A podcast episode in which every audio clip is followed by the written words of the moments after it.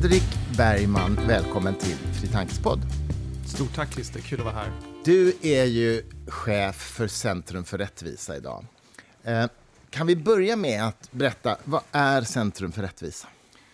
Centrum för rättvisa är en organisation som har till uppdrag att försvara individens grundläggande fri och rättigheter. Och det gör vi framför allt genom att vi hjälper människor att försvara dem i rättsprocesser mot staten och kommunen och stå upp för deras eh, rättigheter genom principiellt viktiga rättsfall som vi driver och bekostar. Så det är specifikt alltså individen mot staten? Ja, staten och kommunen, det allmänna. Att vi driver rättsfall där dels då enskilda har kommit i kläm och mm. fått sina grundläggande fri och rättigheter överträdda genom ett myndighetsbeslut till exempel. Eh, men syftet med de här processerna är också att driva upp dem till högsta instans så att man får vägledande avgöranden som stärker skyddet för individens fri och rättigheter i rättssystemet då, genom prejudikatbildning. Så att vi använder rättsprocesserna dels för enskild upprättelse men också som ett påverkansverktyg för att eh, slå vakt om de värderingar som vi har i vår grundlag och se till att de får genomslag i, i rättssystemet i stort.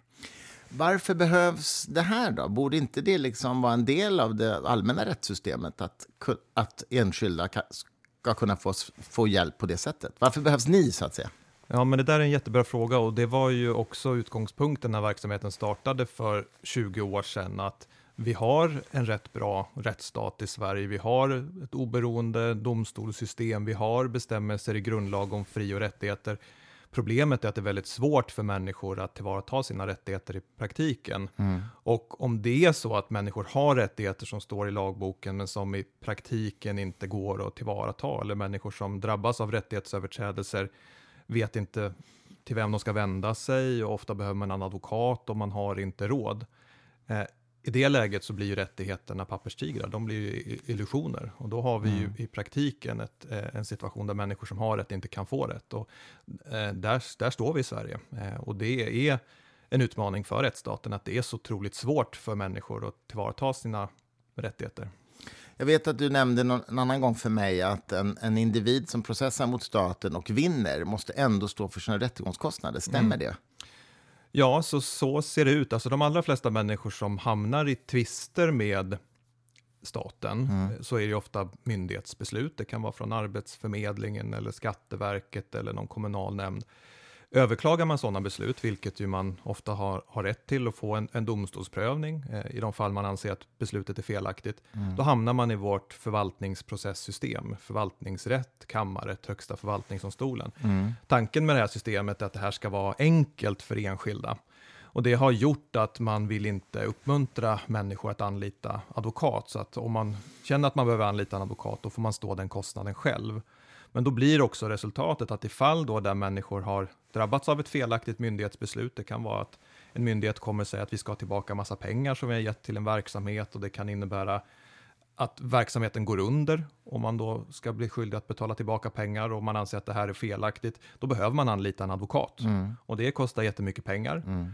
Och visar, sen, visar det sig då i processen att myndigheten hade fel, så att man alltså vinner, så är det ändå den enskilde som står kostnaden. Men det låter ju jättekonstigt. Ja. Alltså det normala som man som amatör hör om rättsprocesser är ju att förloraren betalar båda parternas kostnader. Ja, så, och så är det ju man kan säga, i kommersiella tvister som prövas i allmän domstol, alltså ja. avtalstvister eller skadeståndstvister mellan företag, då är det den som förlorar som får betala för hela kalaset, sin egna advokatkostnader och motpartens kostnader. Men just när enskilda tvistar med, med staten, då är utgångspunkten att den enskilde får betala för myndigheternas fel. Och det är ju en ordning som idag känns rätt omodern. Ja, det kan man ju lugnt säga. Alltså hur, hur försvarar man det? Alltså vad har man för argument från statens sida för att säga att det är rätt, rättfärdigat? Det där, är, det där är rätt lustigt för att det där är en, det går tillbaka på lagstiftning från, från 70-talet och eh, från en, en, en, helt annan tid där man ju från ideologiskt perspektiv inte gjorde någon skillnad på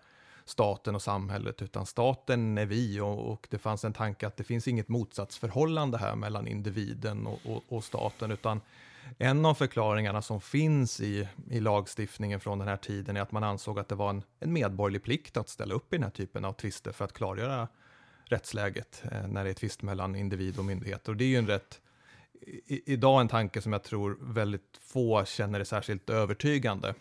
Så att det var det ena, att man såg det som en medborgerlig plikt att ställa upp i de här tvisterna och driva Mm. sitt fall och bekosta sin advokat eh, för att någon slags allmänintresse och eh, en medborgerlig skyldighet. Eh, Och sen så hade man också antaganden som, som jag tror idag också inte stämmer eh, så väl överens med verkligheten med att man såg förvaltningsrätten, den administrativa staten som rätt okomplicerad. Att man tänkte sig att de regelverk som berörde enskilda om skatter och om bidrag och liknande var inte så svåra, så man skulle inte behöva någon advokat, utan tanken var att man skulle processa själv mot myndigheten.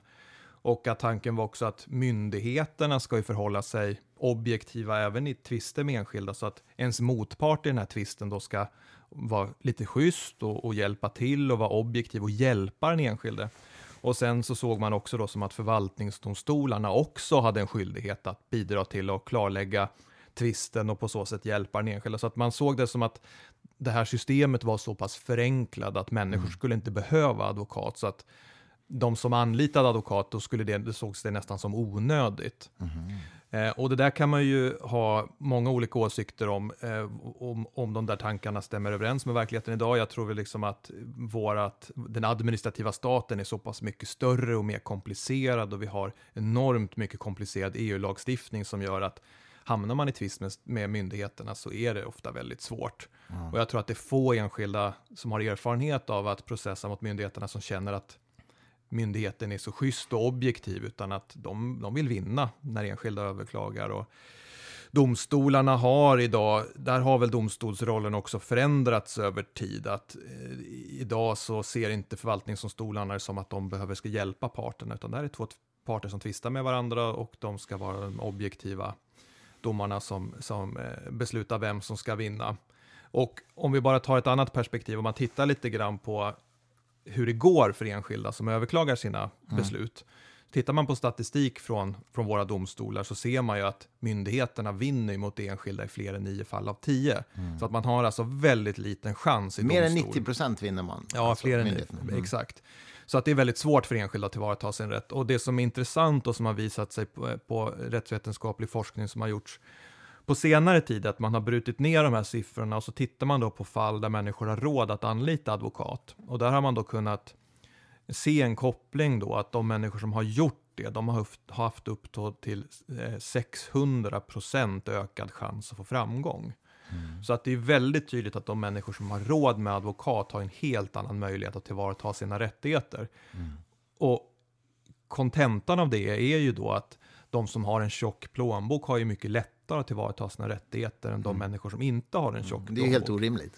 Ja, vi har ju ett rättssystem som blir då väldigt eh, ojämlikt. Mm. Eh, och då kan man antingen tycka att det är ett problem eller så tycker man inte att det är ett problem. Mm. Men jag menar den här lagstiftningen från 70-talet som du pratar om. Jag, jag får ju så här nästan Sovjetunionen-vibbar när, jag Mm. hör, när jag hör det. Förstår du vad jag menar?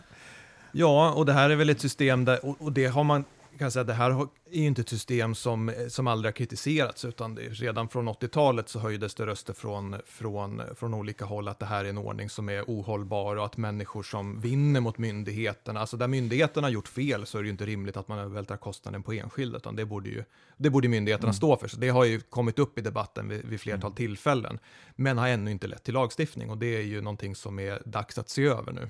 Men det här låter ju, låter ju för mig som ett case som ni skulle kunna driva. Ett slags metacase Mm. alltså. Inte driva bara enskilda personers case, utan metacaset att få igenom en lagstiftningsändring på Mm. den punkten. Så att staten står för vinnarens... Jo, och, och vi har engagerat oss i den här frågan för att det finns, det är inte bara en politisk fråga utan också en rättslig fråga, utan i grunden så handlar det om enskildas rätt till rättvis rättegång och Ja. att enskilda som får då eh, driva process på egen bekostnad mot myndigheter som har fel, där blir det en sån obalans. Alltså man tänker, myndigheterna jämfört med den enskilda har ju enorma resurser. Att vi har ju en, en, en rättsprocess som från början är eh, obalanserad. Eh, på ett sådant sätt att man kan ifrågasätta om enskilda får en rättvis rättegång när oddsen ser ut som de gör. Och att det här har Högsta domstolen tittat på ett antal avgöranden. Alltså Högsta domstolen är ju chef för tingsrätterna och hovrätterna. Eh, och de har i domstolsavgöranden från 2015 år och framåt sagt att deras uppfattning är att vår svenska grundlag skyddar rätten till rättvis rättegång och i de situationerna där enskilda får betala när myndigheterna har fel, då får man inte en rättvis rättegång. Så att här har vi då olika uppfattningar mellan Högsta domstolen och Högsta förvaltningsdomstolen om vad rätten till rättvis rättegång innebär. För att Högsta förvaltningsdomstolens uppfattning är att det här systemet inte måste göras om, eh, givet grundlagen. Okej, så de försvarar det här systemet? Ja, de har upprätthållit det här systemet och det, det var ett avgörande, ett mål som, som, som vi också har drivit. Att vi, har, vi har väckt den här frågan i förvaltningsdomstolarna om den här ordningen att man får betala för sina kostnader är förenlig med rätten till en rättvis rättegång. Högsta domstolen tycker inte det, men Högsta förvaltningsdomstolen har ansett att det, det är lagstiftaren som får ändra den här ordningen om man inte tycker att den är bra. Men är inte, men är inte Högsta domstolen så att säga överordnad då, så att det är det som gäller? Vi har ju två högsta domstolar i Sverige, det är Högsta domstolen och Högsta förvaltningsdomstolen, Ah, okej. och de vakar över olika områden där. Högsta förvaltningsdomstolen är den högsta administrativa domstolen och Högsta domstolen är den högsta allmänna domstolen. Så att, men men det, är, det är en rätt ovanlig situation att vi har, vi har en grundlag som ger enskilda rätt till rättvis rättegång och den rättigheten har nu olika innebörd beroende på var, i vilken domstol man hamnar. Och det är också såklart från enskildas perspektiv rätt orimligt. Ja, ja verkligen. Det, alltså, det här tycker inte jag har fått särskilt mycket uppmärksamhet medialt, eller är det bara jag som har missat det? Nej, men att vi, vi är ju ett land som inte är så processbenägna. Vi funderar inte så mycket i den allmänna debatten på domstolarnas roll och jag tror att vi har väldigt lätt att avfärda människor som står upp för sina rättigheter mot myndigheterna som rättshaverister. Så att det, det, det tror jag påverkar hela den här debatten och eh, vi har ju inte heller särskilt lång eh, tradition i Sverige att tänka i termer av rättssäkerhet och maktdelning och självständiga domstolar. Det är ju en debatt som har kommit upp på de sista, de, senaste åren, att vi har börjat ägna oss åt konstitutionella frågor. Eh, är det bra med en grundlag? Ska det vara svårt att ändra grundlag? Vilken roll har domstolarna att upprätthålla vissa värden? Och vad innebär rättsstaten egentligen? Och har vi politiska partier idag i Sverige som är emot rättsstaten? Och, eh, så så det här är en rätt ny debatt i Sverige. Vi, har ju, vi faller ju tillbaka på den konstitutionella tradition som debatten som väldigt mycket formades under 70-talet när vi hade ett helt annat politiskt landskap med ett statsbärande parti som fick bestämma spelreglerna för den demokratiska processen och för vårt statsskick. Och, och det var ju ett parti som inte hade något intresse av att begränsa sin makt, utan den grundlag vi har idag bygger ju på folksuveränitet och, och parlamentarism och, och i det systemet så fanns det väldigt lite utrymme för självständiga domstolar. Det var inte tanken att domstolarna skulle kunna komma in och bromsa den politiska maktutövningen. Eh, så att det här, att, vi, att det är en sån liten debatt i konstitutionella frågor, det är ett resultat av vår konstitutionella historia. Mycket fascinerande. Men ni hjälper alltså då människor eh, i, i rättsprocesser mot staten utan att ta betalt? Ja, det är det som är eh, det speciella med vår verksamhet då, är att vi ser ju att det finns massa människor som, som hamnar i kläm och som har viktiga fall som de inte har möjlighet att driva själv. Och då handlar det både om att de inte har tillräckliga kunskaper, men ytterst så handlar det om att de inte har råd att anlita advokat. Så att eh, vi ställer ju då upp, vi, vi samlar in pengar till, till vår verksamhet för att kunna anställa jurister och som specialiserar sig då på att företräda enskilda mot staten och kommunerna i domstol i principiellt viktiga fall. Och så, eh, så eh, ställer vi upp då gratis och driver fallen. Och dels då att vi inte tar betalt för våra kostnader, men också då att i många fall där vi driver så, så eh, så det typiska fallet är att vi stämmer staten och begär skadestånd för att en enskild har eh, råkat illa ut. Om vi tar till exempel ett fall Arne Gavelin utanför Örnsköldsvik, då, en äldre man som då felaktigt blev satt under förvaltarskap. Ja, Alltså staten omyndigförklarade honom felaktigt. Eh, det är jättebra att vi har att samhället kan stötta människor som då på grund av sjukdom eller ålder inte kan tillvarata sina rättigheter, men omyndigförklaring är ju väldigt ingripande. Så här har vi en, en gammal man då som folk tyckte var förvirrad och, och, och skälet till att folk tyckte han var förvirrad att han var väldigt generös mot sina anhöriga och sånt gillar vi ju inte i Sverige, att Nej. man är för generös mot, mot människor. Utan det var då ett antal personer som jag tror var rätt avundsjuka på den här mannen som hade en del pengar och han var generös mot sina anhöriga. Och så anmäldes det här till överförmyndarnämnden och överförmyndarnämnden tyckte här, må, här måste vara en förvirrad gubbe som är, så, som är så generös mot sina anhöriga. Utan han måste ha tappat förståndet. Så att man ansökte då om att tingsrätten skulle omyndigförklara honom då genom förvaltarskap. Och det här beslutade tingsrätten om då utan att man, han fick någon advokat, utan att han informerades om att det fanns en sån an anmälan. Så att när han skulle gå och ta ut eh, pengar en dag så slukade bankomatkortet hans kort. Eh, och så fick han reda på att det hade blivit en överförmyndarspärr för att han hade satts under förvaltarskap. Men gjorde de detta utan att ens träffa honom? Ja. Det låter ju helt bisarrt faktiskt. Ja, Det nej, men låter Kafka, tycker Ja, och, och det var ju också därför vi engagerade oss i det här Ja. fallet. Så att resultatet för den här mannen blev då att han under ett års tid då var satt under förvaltare, trots att han inte hade kunnat få försvara sig mot de här påståendena om att han inte kunde tillvarata sig själv, att han inte hade förutsetts av en, en advokat i den här processen. Och det här fick långtgående konsekvenser för honom ekonomiskt. Men här var ju då ett fall vi anser att här har ju då staten kränkt hans mänskliga rättigheter genom att frånta honom alla rättigheter. Ett förvalt- eh, blir man satt under förvaltare så förlorar man i praktiken alla sina rättigheter utom rösträtten. Eh, och, Utom rösträtten? Ja, den har man kvar. Okej. Men så här stämde vi då staten eh, för att han skulle få upprättelse, eh, såklart. Men också för att driva fram ett prejudikat där då eh, man skulle skärpa rättssäkerhetskraven. För det var ju det som var problemet här, att staten har stora befogenheter att göra ingrepp i människors frihet. Och det är otroligt viktigt att det finns starka rättssäkerhetsgarantier i sådana processer. Och den här processen visade just att det brister i det avseendet. Och det har vi även sett i andra fall. Då har vi ställt upp gratis för Arne, vi har stämt staten i domstol och begärt skadestånd. Och när man stämmer staten i sådana processer, då står man också risken för motpartens kostnader, för det här hanteras då i allmän domstol. Så att när vi har staten på andra sidan, då begär de ersättning för sina kostnader. Så att om vi hade förlorat det här, så hade vi fått betala med statens kostnader. Och det hade ni som organisation Det- gjort då? vi tar de kostnaderna då, så att dels tar vi då inte betalt för våra kostnader, men sen så har vi också ett avtal med våran klient att om vi förlorar caset och du förpliktas att betala motpartens kostnader så står vi dem. Eh, sen har, vi, har det varit så väl att vi har vunnit de allra flesta fallen som vi har drivit, så att det har liksom inte blivit ak- Nej. aktuellt, men att det här kan också bli väldiga pengar. Om man tar exempel på ett fall som vi drev eh, gällande eh, några fastighetsägare i, i Skåne. Men vänta, Mm. innan det, alltså vi pratar lite mer om den här mannen först bara, bara så att vi inte tappar det. Eh, För det vann ni, det caset? Ja, det pågår fortfarande, men vi vann det i tingsrätten. Okej, och vad dömdes han till för skadestånd? Det var inget, det var inget högt skadestånd, han fick 60 000 kronor och det ska ju då vara kompensation för det lidande som det innebar att vara omyndigförklarad under ett år. Det tycker vi är, det är ett oanständigt skadestånd, utan vi har begärt ett högre. Sen har vi inte särskilt höga skadestånd i Sverige, men Nej. han borde få några hundratusen kronor i alla fall. Men har staten så att säga erkänt att de gjorde fel? Eller har de bara förlorat caset så att säga utan att erkänna det själva? Ja, nu har ju då Stockholms tingsrätt slagit fast att staten kränkt hans mänskliga rättigheter, hans rätt till skydd för sitt eh, privat, privatliv. Har de bett om ursäkt? Nej, det har man inte gjort.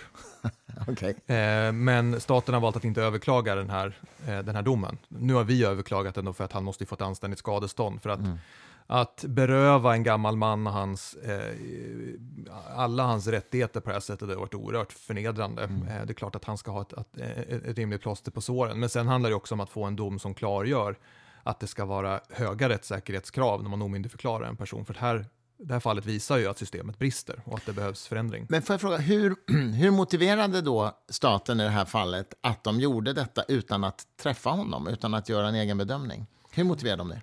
Ja, som huvudregel om, om, eh, om överförmyndaren går in och ansöker om att, till en domstol om att en person ska få förvaltare så är ju som huvudregeln att personen måste höras innan. Sen är väl tanken att det här ofta handlar om människor som är ur stånd ändå att, att lämna någon, eh, någon uppfattning. Så att, och i vissa fall så kan det ju vara så att en person är i en sån akut situation att man måste utse en förvaltare utan att ha en, en fullständig process med, med krav på rättssäkerhet, att en person ska få höras och så vidare. Så att eh, det behövs ju också ibland kunna fattas snabba beslut, så att lagen möjliggör att man fattar den här typen av beslut. Utan att den enskilde hörs. Men det ska ju vara på undantag och i det här fallet så fanns det ingen som helst anledning att inte höra honom. Men de har, ingen, de har ingen egen förklaring till varför de gjorde så? Då? Nej, de tyckte att man fick göra undantag i det här fallet.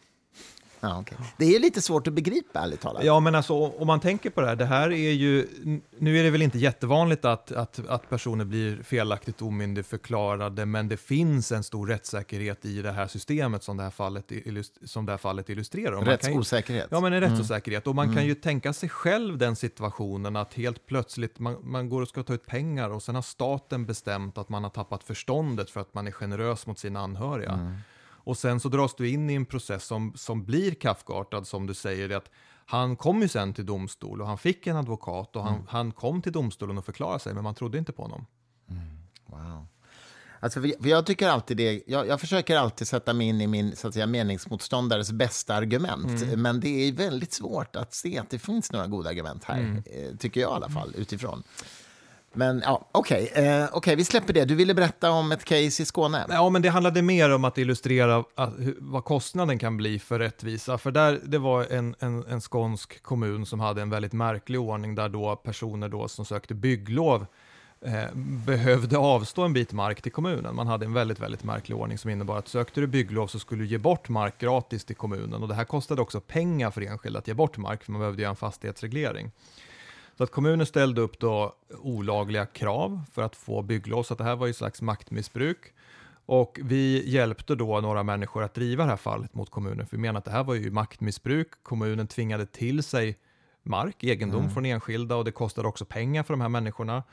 Eh, och det var ju inte rent förmögenhetsmässigt då, det här, vad det här caset handlade om, så hade då Tommy och Lena som vi, för, som vi företrädde, de hade då fått avstå 50 kvadratmeter mark och den kan, var inte värd särskilt mycket, om det var 50-60 000 kronor. Mm. Men det var ju som en principsak att kommunen tvingade till sig mark från enskilda. Mm. Så vi stämde kommunen och gjorde gällande att det här var fel. Och då anlitade kommunen advokater och när den här förhandlingen var slut så begärde deras advokater flera hundratusen kronor i rättegångskostnader. Mm. Och, och, det där är inte ovanligt att en tvist kanske handlar om 50 000 kronor, men motpartens advokater kostar flera hundratusen kronor. Och ofta kostar ens egna advokater flera hundratusen kronor också. Det här mm. illustrerar ju liksom problemet att i de allra flesta fall så är det liksom inte ens lönt att anlita en advokat för att det kostar mer än vad man kan vinna i en process. Alltså att många processer för enskilda blir liksom ekonomiska förluster. Eh, så att det, det, där är ett problem att rättvisa är en sån tydlig plånboksfråga. Mm. För det kan man ju också säga att de människorna som drabbas av rättighetsöverträdelser och som behöver domstolarna för att hävda sina rättigheter är ofta människor som är svagare. De som har mycket pengar, de hamnar sällan i rättsprocesser utan de kan tillvarata sina rättigheter på andra sätt. Mm. Det är de som behöver domstolarna, domstolarnas skydd bäst som har sämst tillgång till och det är ju ett jätteproblem. Mm.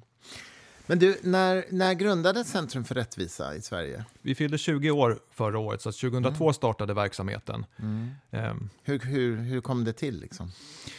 Ja, det kom till, det var Gunnar Strömmer och ett, an, ett antal andra personer som startade verksamheten och eh, Gunnar hade varit och eh, gjort besök på en, en, en, organisation i USA som heter Institute for Justice. Mm.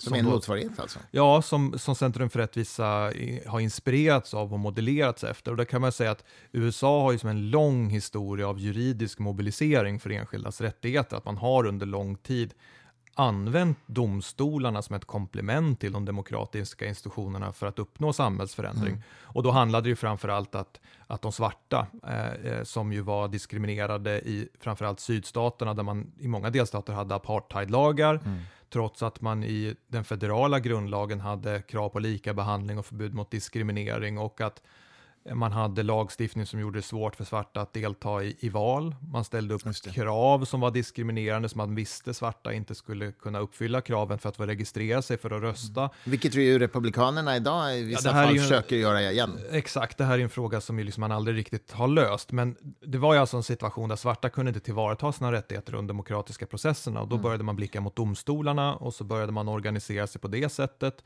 med resurser och att driva då förändring genom, genom domstolarna. Och efter ett antal eh, decennier så lyckades man få ett antal framgångar och alla mm. känner till Brown vs. Board of Education som ju var då den svarta medborgarrättsrörelsens allra största och kanske viktigaste framgång som ju blev en symbol för eh, domstolarnas nya roll där då amerikanska HD sa då att segregerade eh, grundskolesystem strider mot eh, rätten till lika behandling i, mm. i, grundlagen. Och sen efter då, det här var ju på 50-talet, sen så har ju USA växt fram massvis med olika organisationer som just använder rättsprocessen. Då, som och det är mycket större, mycket större skadestånd också i regel? Ja, USA har ju en helt annan ordning, både när det gäller skadestånd men också regler om rättegångskostnader som har historiskt varit väldigt förmånliga. Eh, man har haft en process drivande eh, regelverk, höga skadestånd och låg ribba för att sätta igång rättsprocesser. Men det här inspirerades man av i alla fall mm. och den problembeskrivning eh, som Centrum för rättvisa grundades med utgångspunkt i är ju då att vi har ett väldigt svagt skydd för individens fri och rättigheter i Sverige. Alltså mm. att vi har, man kan ju, när det gäller mänskliga rättigheter eller grundläggande rättigheter så kan man ju dela in dem i olika kategorier. Man har ju de, de klassiska liberala frihetsrättigheterna om, om yttrandefrihet och demonstrationsfrihet och religionsfrihet som handlar om att staten ska hålla sig borta från individens privata sfär. Mm. Eh, de, det är ju ofta rättigheter som man då hittar i grundlagar och det gör man i, i svenska grundlagen också. Sen har vi de ekonomiska, sociala, kulturella rättigheterna som man kan kalla för välfärdsrättigheterna med rätt till skälig levnadsnivå, rätt till bostad och så vidare. De rättigheterna har vi varit väldigt bra i Sverige på att ta om hand. Mm. Eh, och där har man ju också då haft ett helt domstolssystem, då, förvaltningsdomstolarna, som åtminstone var tänkta att vara enkla för människor. Så att människor då som vill tillvarata sina kollektiva rättigheter ska ha möjlighet att göra det genom de här specifika domstolarna. Men vad, vad Centrum för rättvisas grundare såg, såg då var just att de individuella fri och rättigheterna i grundlagen var ju väldigt, väldigt svaga att vi har en konstitutionell ordning där vi ju i och för sig då har en, en Bill of Rights i, våran, i våran, en av våra grundlagar, regeringsformen, som ju sedan 70-talet haft regler om, om yttrandefrihet och näringsfrihet och, och egendomsskydd och, och, olika aspekter av rättssäkerhet. Men de här rättigheterna har inte ansetts varit juridiskt bindande. Mm. Så det här såg man ju då liksom var ett problem, att det var svårt för människor att tillvarata de här eh, rättigheterna. Så var den, mot den bakgrunden Centrum för rättvisa eh, grundades då, att man tänkte att man ska försöka öka genomslaget för de här rättigheterna genom att driva, hjälpa människor att driva fall som handlade om dem då, för att försöka aktivera de här rättigheterna. Och det var alltså Gunnar Strömmer, nuvarande justitieministern, mm. som startade det här. Hur många är ni idag? Idag, det är ju många människor runt Centrum för rättvisa, men om man tar de som är anställda i verksamheten så är vi mellan 10 och 15 personer mm. hela tiden och det är ju allt väsentligt då eh, jurister i mm. verksamheten då som, som vi då driver de här fallen. Sen har vi en styrelse som jobbar gratis i verksamheten och som vi väljer våra fall och som ser till att vi använder våra pengar på ett korrekt sätt och sen har vi ju alla givare som möjliggör verksamheten. Ja, för det var min nästa fråga, hur det finansieras alltså. Och det, vad, kan du säga något om det? Ja, det, vad man kan säga om, om finansieringen är ju liksom att vårt uppdrag är ju att i princip att eh, vara en, en, en kontrollfunktion, en, en, public watchdog där vi stämmer staten och kommunerna och då är det otroligt viktigt att vi är oberoende i det mm. uppdraget. Mm. Så att ända från starten så har vi haft som utgångspunkt att vi ska inte ta emot några pengar från staten eller kommunen eller några intresseorganisationer som kan försöka styra verksamheten. Mm. Utan vi ska vara helt oberoende. Så de som ger oss pengar ska inte ha någon möjlighet att styra verksamheten och vi ska inte heller ta emot pengar som på något sätt kan äventyra eh, våran, vårat oberoende. Och det har gjort att vi tar egentligen bara emot pengar av privatpersoner. Så att det är ju, eh, vi är otroligt glada att det finns så många filantroper i Sverige som har ett rättssäkerhetsintresse som, mm. som ger pengar till oss utan att kräva någon motprestation. Utan de ger pengar till oss för att de ser att vi gör bra saker. De ser att vi hjälper människor att stå upp för sina rättigheter det handlar ofta om människor som själva kan ha varit i rättsprocesser och som även då med en tjock plånbok har sett hur svårt det är att få rätt mot staten och som mm. tycker att det är vettigt att hjälpa enskilda att tillvarata sina rättigheter. Men, men det betyder alltså att man kan inte så att säga betala er för att få ett speciellt case prövat? Nej. Nej, det går inte. Eh, när kom du in i verksamheten? Jag kom i kontakt med Centrum för rättvisa när den var rätt nystartad. Jag var i slutet av min juristutbildning vid Uppsala universitet så hade jag börjat intressera mig för rättsprocesser och Europakonventionen om mänskliga rättigheter och kan man använda juridiken som ett verktyg för att stärka människors position? För att det, vad man kan säga om juristernas roll och juridikens roll i Sverige, så i Sverige så har vi sett juridiken och juristerna som, som politikernas maktverktyg mot medborgarna. Att mm. Juristernas roll i Sverige har egentligen varit att bidra till att upprätthålla rättssäkerhet och kontrollera att myndigheterna inte överskrider sina befogenheter utan i väldigt stor utsträckning genomföra den politik som, som staten och våra politiker har bestämt. Mm. Jag började fascinera mig för ett annat synsätt, nämligen att använda juridiken just för att försvara människor mot mot myndigheterna. Och I slutet av juristutbildningen då så läste jag en specialkurs för en professor som heter Per-Henrik Lindblom som hade en väldigt spännande kurs som handlade om access to justice, som ju är ett amerikanskt eh, koncept, eller en amerikansk diskussion som just handlar då om de här strukturella hindren som gör att människor som har rätt inte får rätt. Mm. Alltså var, varför är det så svårt för människor som har rättigheter att göra gällande dem i praktiken. Och då handlar det ju liksom ytterst, som jag sa, om att det är en pengafråga. Man behöver en advokat för att kunna navigera rättssystemet.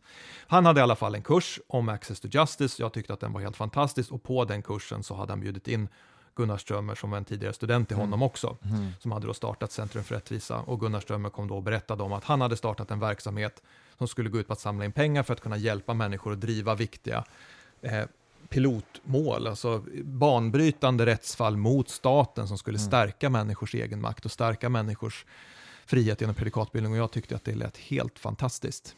Eh, så att det, och det var 2005. Och, Då hade de varit igång i tre år bara. Ja, och man hade väl precis eh, kommit igång med några rättsfall som hade blivit lite uppmärksammade, bland annat då hade man stämt Uppsala juristutbildningen på vid Uppsala universitet för etnisk kvotering. Att man, att man menade då att antagningsreglerna till utbildningen då var diskriminerande. Och det skapade stor uppmärksamhet, för det var ju som också en, ju en politiskt känslig fråga det här med Det jag kvotering. ihåg Ja, faktiskt. Mm. Så det var ett fall som hade lite satt Centrum för rättvisa på kartan och gjort mig lite nyfiken över verksamheten. Men och vann ni det då? Det var, Centrum för rättvisa vann det. Det var det första fallet då som var i allmän domstol där man då hade stämt staten och det vann, eh, vann vi det i tingsrätt, hovrätt och i högsta domstolen. Okej, Så de överklagade alltså? Ja, Okej. Och, vad, och vad, kan du, kommer du ihåg vad, vad var det som var fel, så att säga, som de gjorde fel? ja alltså vad det var var ju liksom i och för sig då ett, ett strävande från ett antal högskolor och universitet som var fullt legitima, att man ville få in, man ville ha en större representation eh, bland sina studenter från personer med olika etniska grupper. Man tyckte att det var ett problem att juristutbildningen var för etniskt homogen. Och, då, och, och, och Men det var inte könsfrågan? Ja, det var det, det var det också, men just när det gäller Uppsala universitet och juristutbildningen så handlade det om, om etnicitet. Och då bestämde man sig då för att, att testa eh, kvotering, så att man satte av då 10% av utbildningsplatserna, och det var ungefär 300 platser, så 30 platser så, så skulle det inte vara någon allmän konkurrens med betyg i, i första hand, utan då, till den kvoten då så fick man bara söka om man hade då två föräldrar som var födda utomlands. Eh, och, Vilket utomlandsland som helst? Ja, vilket utomlandsland som helst. Så det kunde ju vara då att man hade två föräldrar födda i Norge eller Danmark eh, eller, eh, och så vidare. Mm. Och så var tanken att det här skulle leda till en ökad eh, mångfald. Eh, och det här, som jag sa, eh, själva ambitionen och målsättningen med det här var ju såklart all, alldeles utmärkt och lovvärd, men att tillvägagångssättet blev ju liksom lite grovhugget. Att det, det, det grundades väl inte riktigt på någon analys vilka grupper det är i samhället som är, har svårt att komma in på juristutbildningen och är det Eh, kommer man åt eh, det problemet genom kvotering?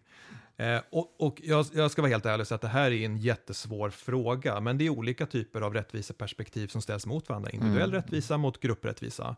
Och eh, jag för egen del väl, tycker väl att den individuella rättvisan är liksom den bästa, för att det blir väldigt svårt när man börjar eh, laborera med grupprättvisa och man har, kan ha stor förståelse för de människor som då inte kom in på juristutbildningen på grund av att de hade fel etnicitet.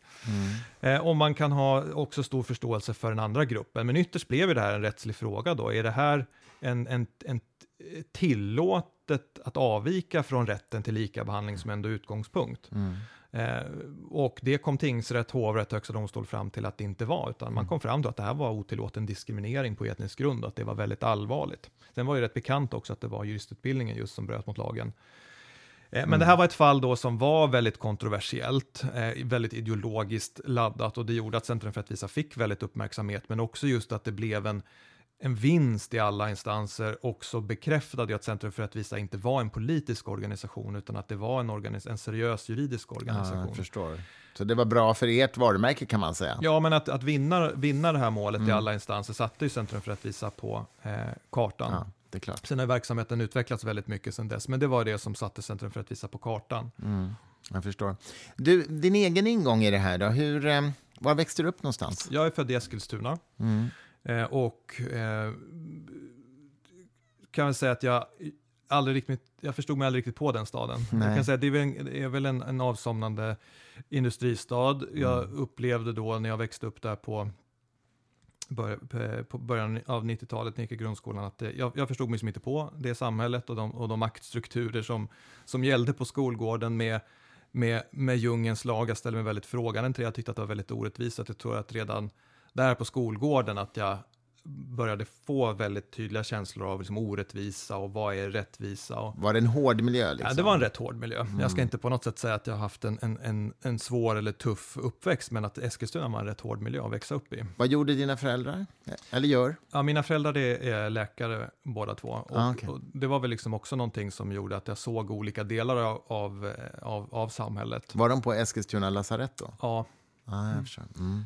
Det var de. Eh, men så att, Eskilstuna är ju, jag hade mitt allra, jag är ju uppvuxen i Mariefred. Mm. Jag hade mitt första riktiga jobb i Eskilstuna faktiskt. Pendlade varje dag till FFV. mm, Eh, Du kommer ihåg var det låg?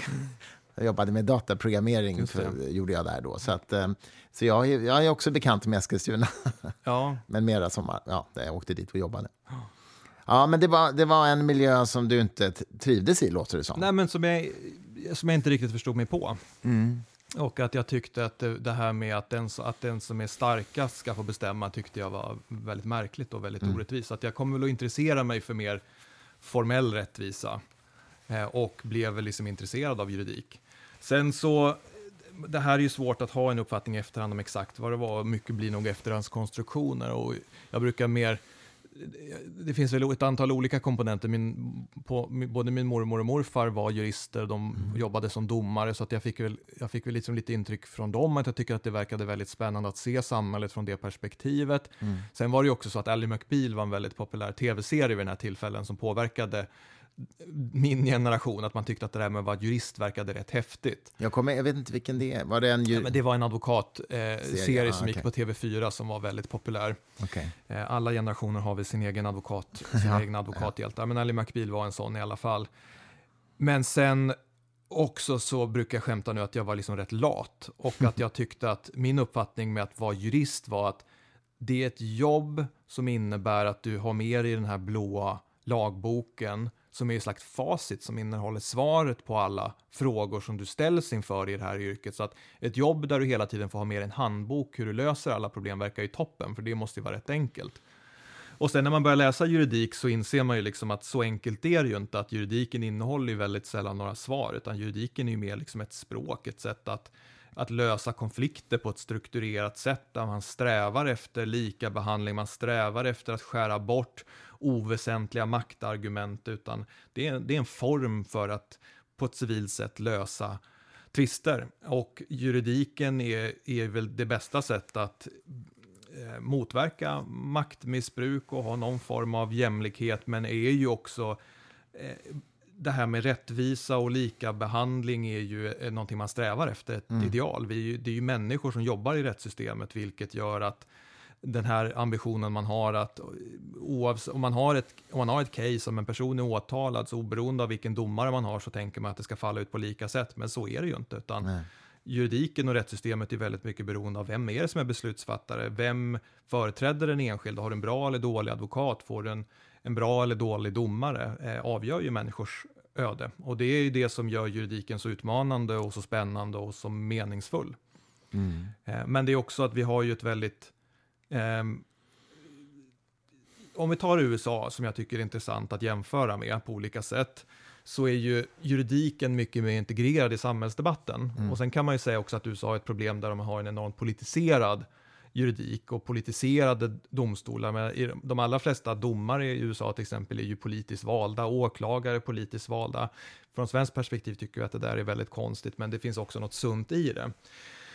Eh, men i alla fall, vi har ju haft uppfattningen i Sverige att liksom juridiken är liksom frånskild från politiken, utan det är, det är politikerna som bestämmer, de skriver lagar och juristerna tolkar och tillämpar de här på ett neutralt sätt och juristerna har liksom ingen makt. Och så här ser det ju inte ut i praktiken, utan juristerna har ju väldigt mycket makt och har ju fått med tiden ännu mer makt. Hur då? Ja, men, ja, men dels att, att lagarna är så vagt formulerade ofta att det finns ett väldigt stort tolkningsutrymme. Jag upplevde det så när jag arbetade som domare i tingsrätt, hovrätt, vilket är den formella utbildningen jag har vid sidan av juristutbildningen, att jag är utbildad tingsrätts och hovrättsdomare. Mm. Jag upplevde i många, eh, det var väldigt sällan som man känner att utgången är på förhand given, där man vet att det här är ett open and shut case, utan väldigt ofta så kände jag som domare att jag skulle kunna döma till endera av partens fördel och skriva en dom som skulle hålla i, i högerrätt. Oj, det är dom- intressant. Ja, men domare har väldigt mycket makt över, över, över enskilda situationer och, och människors liv. Och det är väl då skulle jag säga lite problematiskt just att det finns den här allmänna uppfattningen att juridiken är den här blåa lagboken som innehåller alla svar och att juridiken blir på något sätt eh, juristerna får liksom trumf i debatten i juridiska frågor. Ofta så, journalister till exempel är ju väldigt okritiska när man intervjuar jurister, mm. utan ofta är ju juristen med som ett sätt att eh, värdera ett händelseförlopp. Ja, men nu, har här, nu har det här hänt och sen intervjuar man en jurist som ska då säga sanningen om det här är bra eller dåligt. Men i själva verket så finns det väldigt sällan en sån klar bild av vad juridiken säger, utan den präglas ofta av, av eh, den jurist som uttalar sig i de här frågorna. Eh, men att juristerna har fått mer makt, det handlar ju liksom om samhällsutvecklingen, det handlar om EU, där vi har fått in ett väldigt komplicerat regelsystem som ställer högre krav på myndigheterna och domstolarna men framför allt också att vi med EU-inträdet fick eh, mer av maktdelning och mer av krav på självständiga domstolar som skulle vara med och kontrollera makten på mm. ett sätt som inte vi var vana vid i Sverige. Mm. Och, och nu har vi ju helt plötsligt, det här har ju också det här med juristmakt och grundlagar och konstitutionellt rättighetsskydd har ju historiskt i Sverige varit en ideologiskt präglad fråga där högern har varit för en en stark rättsstat och skydd för fri och rättigheter och att domstolarna ska kunna säga att lagar är oförenliga med fri och rättigheter medan vänstern har varit emot det för att man har tyckt att det har varit odemokratiskt. Mm. Man har velat liksom begränsa domstolarnas makt och man har sett med, varit skeptisk till att juristerna eh, skulle ha, ha en roll i ett politiskt system. Så såg det ut på 70-talet, såg ut så på 80-talet, såg ut så på 90-talet. Om vi spolar fram till nu så har vi ju numera har vi som en politisk enighet. Alla politiska partier är överens om att domstolarna ska ha mer makt. Vi ska skriva in fler saker i grundlagen. Mm, Juristerna ska ha ett större inflytande över vårt demokratiska system. Och det där är ju rätt intressant att vi har liksom landat i en, i en enighet nu. Mm. Och, den, och det kan man säga att, att alla våra partier är överens om det. Eh, det har liksom lite olika bevekelsegrunder mellan högern och vänstern. Där högern har ju, eh, det har ju alltid varit deras ståndpunkt att det är bra med en begränsad makt, eh, med en begränsad maktutövning, att att demokratin ska ske under lagarna och, och, med en stark domstolskontroll och där individens fri och rättigheter har ett starkt skydd mm. som man har varit skeptisk mot från vänsterns sida och där vänster nu som ju ser att man har inte samma maktposition längre utan där man ser att man är inte en, i en given majoritetsposition utan, utan på sikt kanske man ser sig själv i en tydligare minoritetsposition då helt plötsligt är man ju intresserad av att begränsa vad majoriteten kan göra. Mm, mm. Och det handlar väl framför allt från vänster sida skulle jag ändå tippa på en rädsla för Sverigedemokraterna och hur mm. de skulle kunna lägga om kursen. Ja, mm. exakt. Mm. Eh, så att nu helt plötsligt så har man börjat intressera sig för de här frågorna i Sverige.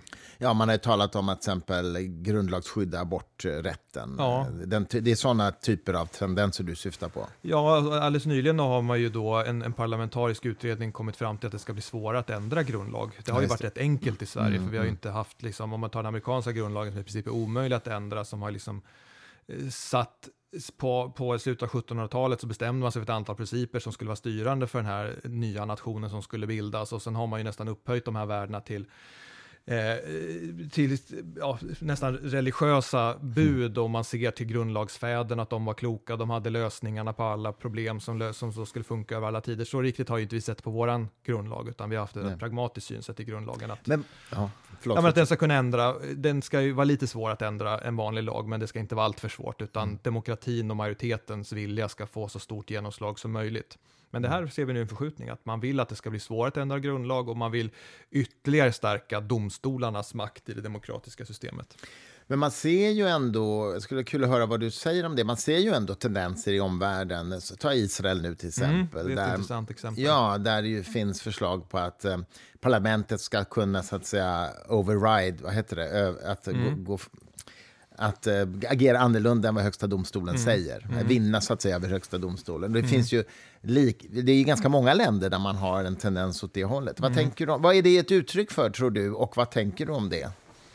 Jag tycker att det är en otroligt intressant debatt, för att det har ju blivit i, i, i, i, västerländska kulturer så har man ju på något sätt enats om att vi ska vara inte bara demokratier i betydelsen majoritetsstyre, utan att vi ska ha, vara liberala demokratier, att vi ska vara konstitutionella demokratier, att, att eh, majoritetsstyre kan, är en bra utgångspunkt, men kan inte vara det enda givna värdet, utan man ska ha då en maktutövning som sker under lagarna och man ska ha vissa värden, som, materiella värden som ska skyddas, alltså ofta då grundläggande fri och rättigheter där man tänker sig att en majoritet ska inte kunna sätta sig över människors yttrandefrihet och religionsfrihet, utan att man ska begränsa eh, den demokratiska maktutövningen. Mm. Och det här är ju som sagt grejer som är rätt nya för, för, för svenskt vidkommande, att, att, res, att resonera om, om staten på det sättet i form av maktdelning. Eh, men vad, vad man nu ser då i vår omvärld, vi ser det i USA, vi ser det i Europa, vi ser det i Israel, att i länder då som har haft starka domstolar så har det väl blivit liksom en klyfta mellan eh, de värderingar som kommer till uttryck genom ofta de högsta domstolarna, eh, deras värderingar och vad som uppfattas som folkviljan. Och det kan mm. man ju säga att i ett land där som Sverige, där, som, där domstolarna kanske inte har varit lika oberoende från den politiska makten som i andra länder, så kanske det inte har varit någon särskilt stor klyfta mellan de domstol, så att säga, värderingar som domstolsavgöranden ger, ger uttryck för och de värderingar som, som kommer till uttryck i, i, i folkviljan. Men om det blir liksom ett stort glapp mellan det där, vilket man ofta ser som då, ofta i populistiska rörelser där man känner att i Högsta domstolen så sitter en, en eh, samhällets elit och deras värderingar är ofta mer liberala. De har ofta en annan syn på brottslighet till exempel. De ser inte lika allvarligt på det som folk i allmänhet tycker. Mm.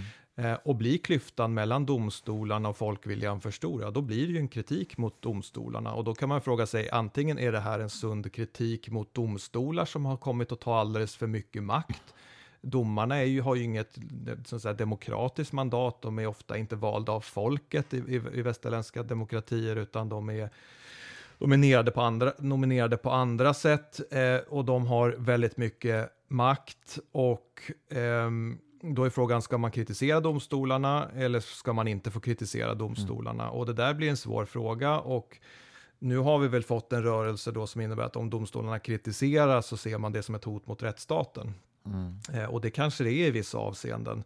Samtidigt som jag också tycker, och nu ska jag inte säga det som ett försvar mot, mot hur domstolarna har attackerats på ett oacceptabelt sätt i Ungern och Polen och möjligtvis också här i Israel, men att domstolarna måste också kunna tåla en del kritik, för mm. att de är, de är maktfaktorer och vilka som sitter i högsta domstolen har betydelse för hur hur rättsstaten eh, utvecklas. Men att det har det blivit... ser man ju verkligen i USA nu med en konservativ högsta domstol ja, som rev upp, rev upp, Roe versus Wade. Absolut, eh, absolut. Men att man måste ha det i åtanke mm. också i ett läge, för nu går vi i en riktning där vi vill ge domstolarna mer makt mm. och då måste vi liksom också fundera på vilka konsekvenser det kan få. Mm. Att vi, även vi kan ju få en situation där det blir stort glapp mellan vad juristerna tycker och vad folket tycker. Och då måste det ändå vara så att folkviljan måste vara det primära. Mm. Samtidigt som vi kan ju inte ha en ordning där då folkviljan ska kunna sätta sig över våra domstolar, för då, då är, vi, är vi ju inte en rättsstat längre. Men det måste, det måste finnas en tanke i systemet ändå. Mm. Att den här, även om man ska ha självständiga domstolar så måste det på något sätt eh, finnas en tanke kring hur man kan koppla det här till ändå att utgångspunkten är i en demokrati är att det är folkets vilja som ska vara det, vara det styrande. Mm. Domstolarna ska vara en del i en konstitutionell debatt, men de bör väldigt sällan ha det absolut sista ordet, utan det bör folket ha. Och eh, det bör man fundera på när man utformar de här systemen, att det ska finnas en naturlig dialog mellan, mellan riksdag och regering och domstolar. Men jag tror att det är naturligt att man håller det här som en, en dialog och inte en monolog där det är domstolarna får den yttersta makten i vissa viktigare konstitutionella frågor, mm. utan ytterst måste den makten ligga i händerna på de folkvalda. Ja, det är superintressant. Du, en sista fråga då innan vi avrundar. Ehm, kan du berätta någonting om något case som du tycker är extra spännande just nu som ni jobbar med, som inte är avgjort ännu? Ja, Vad alltså, är ditt favoritcase just nu?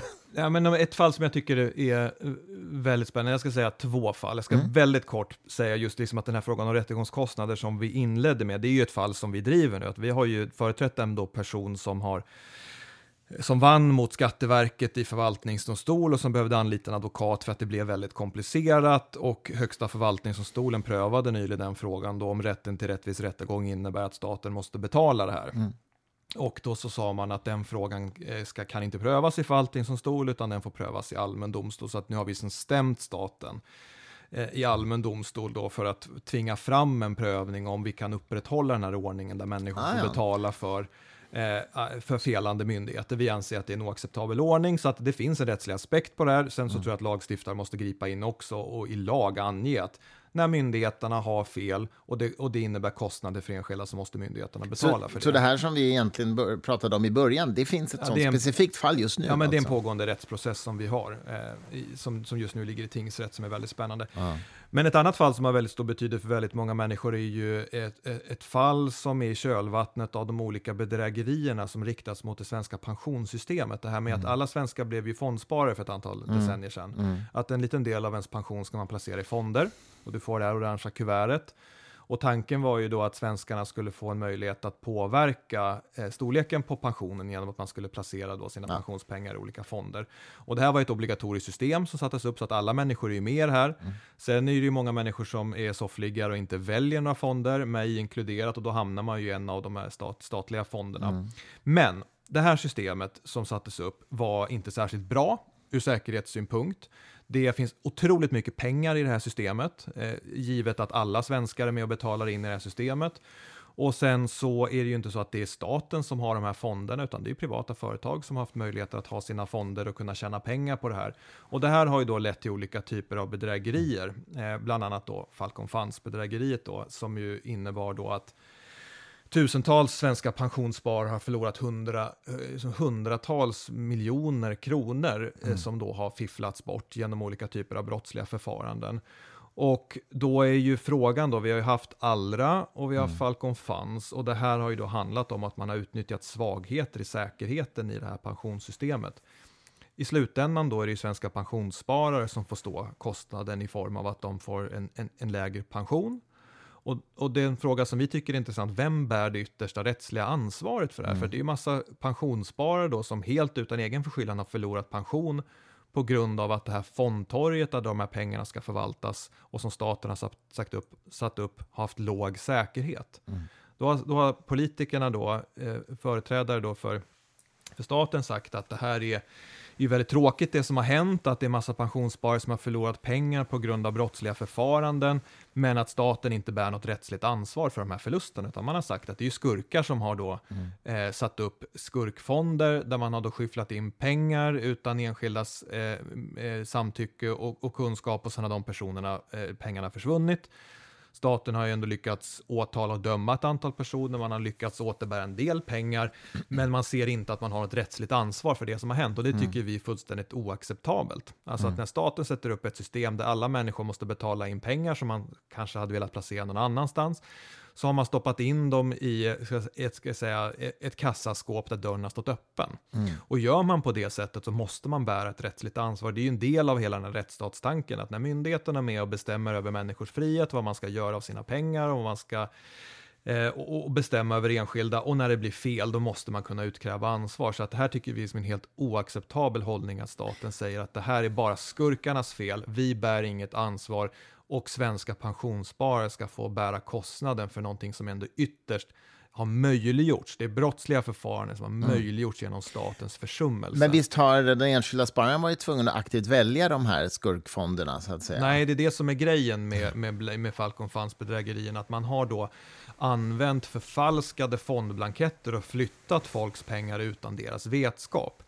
Och, och det, det här bedrägeriet visar ju då hur dålig säkerheten varit. Vad, vad som kunde ske då för ett antal år sedan, att jag kunde då beställa hem en, en fondbytesblankett, alltså ett, ett papp, ett papper hem till mig, eh, som alla då, alla då som har pengar i, på fondtorg då kunde få hem. Och då var ju den förtryckt med mina siffror, men då kunde jag ändra dem. Och så kunde jag skriva Christer Sturmark istället. Och, ta, och så, det enda jag behövde var ditt personnummer. Och då, med Wow. ditt personnummer så kunde jag fylla i att jag vill flytta 100% av mitt tillgodohavande.